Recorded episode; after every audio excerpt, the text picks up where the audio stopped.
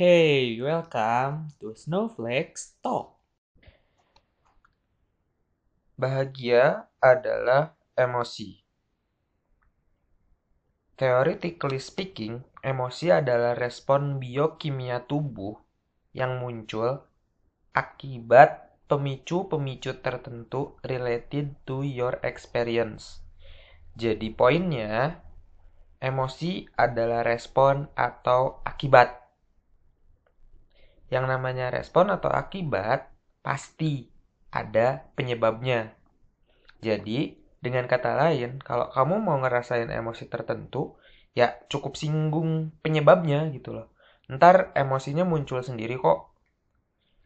Nah, ngobrolin soal emosi, menurut Paul Ekman, pakar micro expression, kalau misalnya mau lebih jelas, silahkan search aja di Google Doi menyebutkan ada enam jenis emosi dasar manusia. Yang pertama marah, yang kedua sedih, yang ketiga bahagia, keempat terkejut, kelima jijik, dan keenam kaget. Nah, buat kamu yang emang pengen banget tahu gimana cara kerja emosi itu, cukup tonton film kartun nih gengs, Inside Out. Cobain deh tonton. Itu ngejelasin banget pokoknya. Nah, sekarang kita bahas bahagia. Jadi kalau narik kesimpulan dari pernyataan sebelumnya, poinnya kalau kamu mau bahagia means kamu bukan ngejar bahagianya. Tapi yang perlu kamu kejar adalah pemicu apa yang bikin kamu bahagia. Maka secara nggak langsung, diinginkan atau enggak, bahagianya bakal datang sendiri kok. Nah, kalau aku ibaratin, bahagia itu kayak ayam. Kalau misalnya kita kejar ayamnya, ya semakin dikejar, dia makin lari, dia makin ngejauh gitu loh. Tapi kalau misalnya kita punya beras di telapak tangan, dan kemudian disodorin ke si ayam, maka otomatis si ayamnya ngedeket. Nah, pertanyaannya adalah beras macam apa yang perlu kamu punya biar ayamnya ngedatengin kamu gitu. Nah, ada tiga jenis beras, eh, pemicu yang memungkinkan ngundang bahagia datang ke hidup kamu. Tapi, to be noticed, tiga pemicu ini bukan sesuatu yang bisa dengan mudah kamu kuasai or kamu dapatkan. Tapi kalau misalnya udah kamu kuasai, kamu ngerti, most of the time bahagia bisa datang sendiri. So, what are those triggers?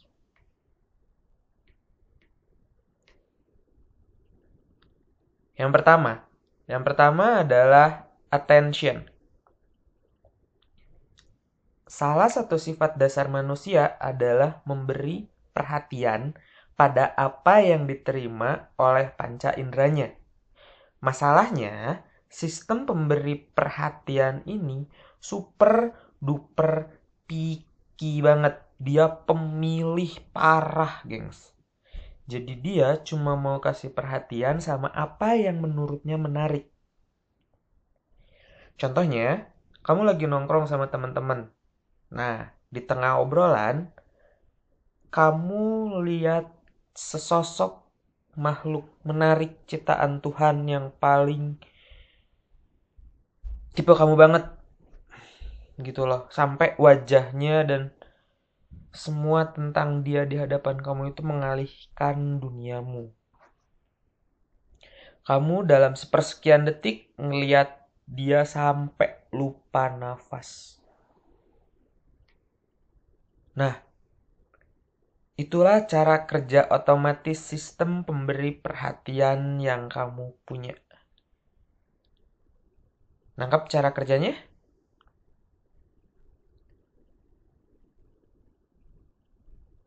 Pertanyaannya, apa hubungan antara sistem pemberi perhatian dengan bahagia?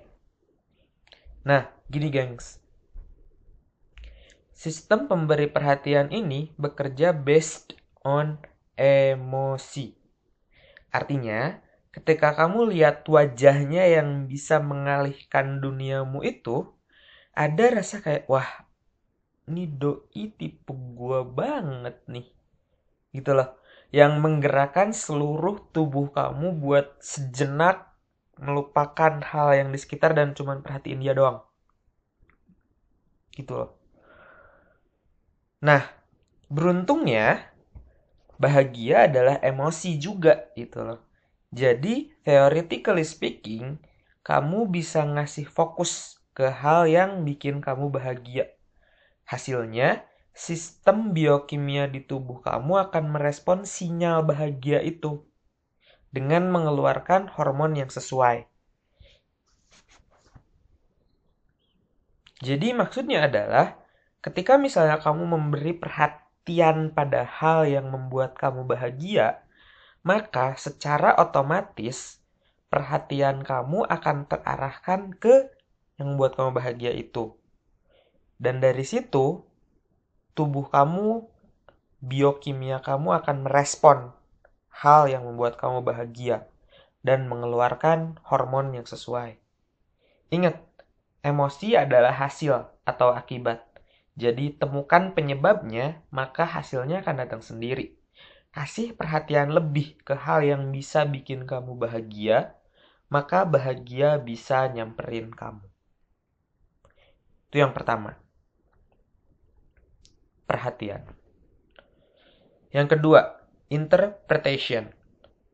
Nah, aku pernah lakuin survei langsung ke beberapa orang dan nanya-nanya gitu loh. Apa sih yang bisa bikin kamu bener-bener bener bahagia?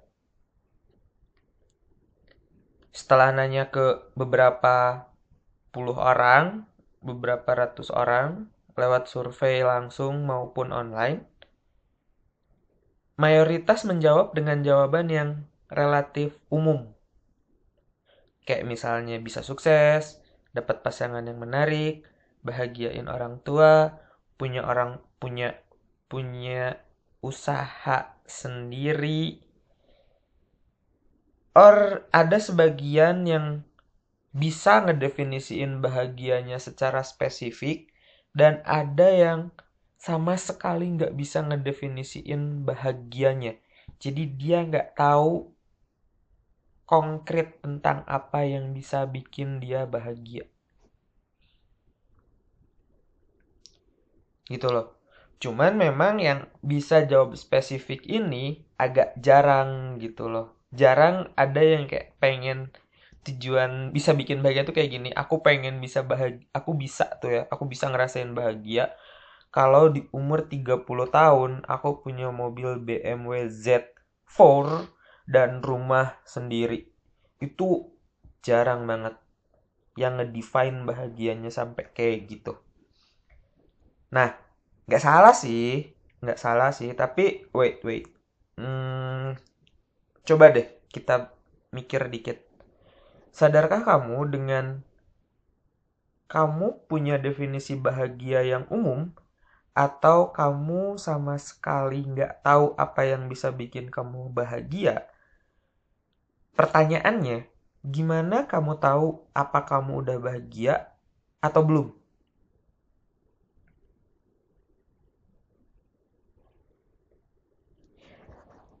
But this is the bad news, gengs.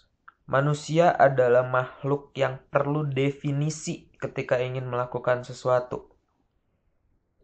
Jadi misalnya, let's say kamu saat ini belum bekerja. Nah, definisi pekerjaan yang kamu punya saat ini buat kamu adalah sumber hidup. Jadi, kalau kamu nggak kerja, kamu literally nggak bisa hidup. Bayar makan sehari-hari, cicilan handphone, ngedet, ngopi, dan hmm, ya tagihan-tagihan lain yang udah ada di depan mata dan perlu kamu bayar. Makanya seberat apa pun pekerjaannya, I believe kamu bakal hadapi dan selesaikan. Tapi akan beda cerita ketika definisi pekerjaan yang kamu punya saat ini hanya mengisi waktu luang. Dan sebenarnya kamu gak butuh-butuh banget sih sama kerjaannya. at least ada lah yang bisa kamu kerjain saat ini gitu loh dalam waktu luang kamu. Nah, kira-kira perlakuan kamu terhadap pekerjaan definisi S sumber hidup sama definisi kedua ini gimana? Nah, nah, bentar, bentar. Terus hubungannya sama bahagia apaan ngebahas yang barusan nah di sini poin aku adalah mulai dengan kamu punya makna bahagia versi kamu sendiri. As specific as possible as reachable as possible. Pokoknya makna yang memang kamu yakin kamu bisa capai. Nah, jadi hasilnya kamu tahu apa yang perlu kamu kerjain sambil kamu cicil gimana caranya biar kamu mencapai itu dan kamu bisa bahagia. Ingat, bahagia adalah hasil atau akibat. Jadi temuin dulu makna bahagia versi kamu, kerjain hal yang diperlukan buat jawab atau wujudkan makna itu dan bahagia akan datang dengan sendirinya tanpa perlu kamu kejar.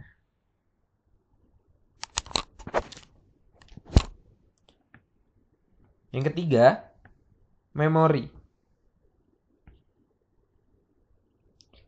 Let's say one day kamu mau reunian nih sama teman-teman sekolah dulu. Nah, waktu sekolah, kamu punya tiga jenis temen.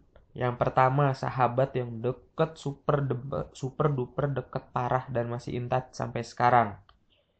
Yang kedua, ada kayak kamu in crush atau naksir sama doi gitu loh, naksir sama dia selama sekolah. Yang ketiga ya ya temen hanya sebatas temen masuk friendlist lah, kamu nggak punya kenangan yang terlalu gimana gitu sama dia. Nah, ketika kumpul reunian, Aku minta kamu buat jawab tiga pertanyaan ini. Yang pertama, apa kamu masih ingat sama sahabat yang super duper intat sampai sekarang itu? Yang masih super duper dekat dan masih intat sampai sekarang. Masih ingat namanya? Oke. Keep dulu jawabannya. Yang kedua, apa kamu masih ingat dengan siapa orang yang kamu suka itu? Oke, keep dulu jawabannya. Dan yang ketiga, apa kamu ingat siapa nama temen yang cuman sebatas masuk friend listnya aja? Ya, nggak usah banyak-banyak deh, nginget 2-3 nama aja. Oke? Keep dulu jawabannya. Nah, cerita di atas ngegambarin gimana cara kerja memori manusia, gengs. Maksudnya, Nah, sebelum bahas hubungan memori dengan bahagia, aku mau jelasin dikit tentang apa dan gimana cara ker cara kerja memori atau cara memori bekerja. Nah, jadi memori itu terdiri dari dua hal. Yang pertama adalah event atau konten pengalamannya atau kejadiannya. Yang kedua adalah emosi yang nempel sama kejadian, event, atau konten pengalaman itu. Nah, salah satu di antara dua itu nggak ada, maka mungkin bisa diingat, tapi kekuatannya lemah. Dan in the end, lupa. Jadi, intinya adalah kamu bakal nginget kejadian atau pengalaman yang punya muatan emosi kuat. Oke, misalnya gini, kita angkat lagi contoh ketemu pas reunian. Nah, jawaban nomor satu kemungkinan besar inget. Or ya, ya jelas inget lah. Kenapa? Karena kamu banyak memori yang udah kamu buat kejadian sama dia. Entah kamu curhat lagi baru putus sama pacar, entah kamu curhat mau ngenal apa namanya, entah kamu mau ngenalin pasangan baru kamu, entah kamu dan segala macam kegiatan-kegiatan yang emosional yang kamu kerjain bareng sama dia. Means kamu ingat sama dia or kemungkinan besar kamu bakal ingat sama dia jawaban nomor 2 50-50 tergantung seberapa suka kamu sama doi semakin kamu suka sama doi semakin mungkin kamu ingat. Tapi semakin biasa aja ya sosok lah, mungkin bisa lupa, mungkin juga bisa ingat gitu. Kenapa? Karena momennya hanya pada saat itu kamu suka hanya pada saat itu itu momen emosionalnya dan kamu nggak ada sama sekali kayak apa namanya kegiatan bareng yang ini de, konteksnya ketika misalnya kamu cuman de, deket doang sama dia eh kamu cuman crush doang sama dia ya suka sama dia tapi nggak ngelakuin apa-apa gitu nah mungkin aja gitu loh karena ketika misalnya itu ya kekuatan emosinya cuman dari si rasa sukanya kamu itu nah jadi kamu mungkin mungkin ingat mungkin lupa jawaban nomor tiga kemungkinan besar lupa Kenapa? Karena kamu nggak punya pengalaman emosional sama dia. Ya, kecuali kalau misalnya kamu pernah kayak cuman main dan itu something yang menurut kamu emotionally bisa bikin kamu ketouch em sisi emosi kamu ya itu mungkin aja kamu bisa inget tapi kalau sama sekali nggak ada ya I believe kemungkinan besar lupa gitu loh nah maksudnya pengalaman yang disertai emosi itu kayak gimana sih gitu kan dari tadi kita bahas tentang itu. Nah, gini deh. Misalnya kamu lagi denger lagu gitu dan lagu itu kamu banget.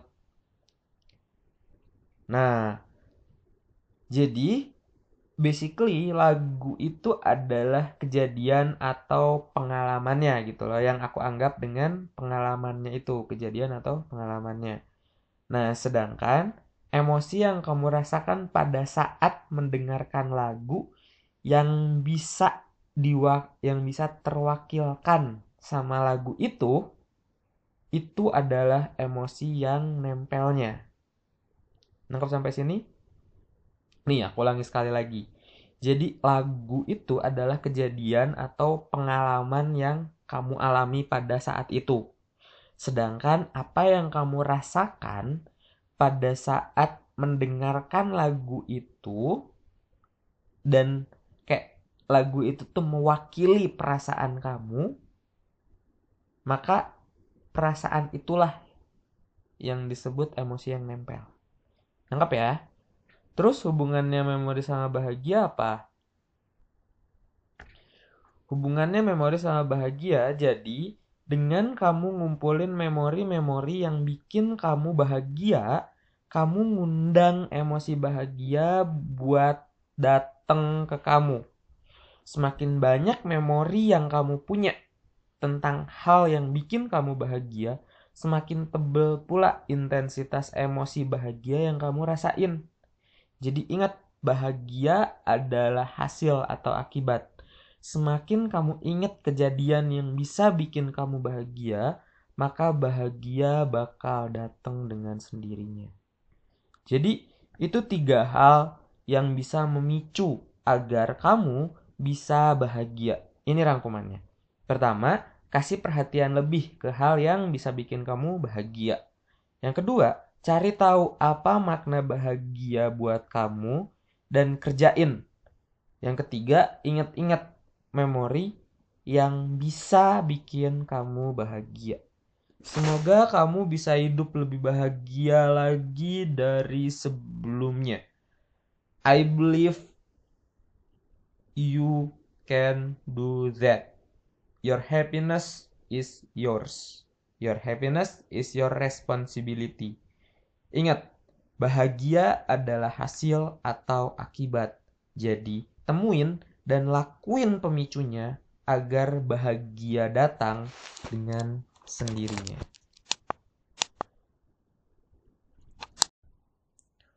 Buat kamu yang mau lanjut ngobrol sama aku, yuk follow Instagram aku di @snowflake.014 dan subscribe di YouTube channel aku namanya Snowflake Talk.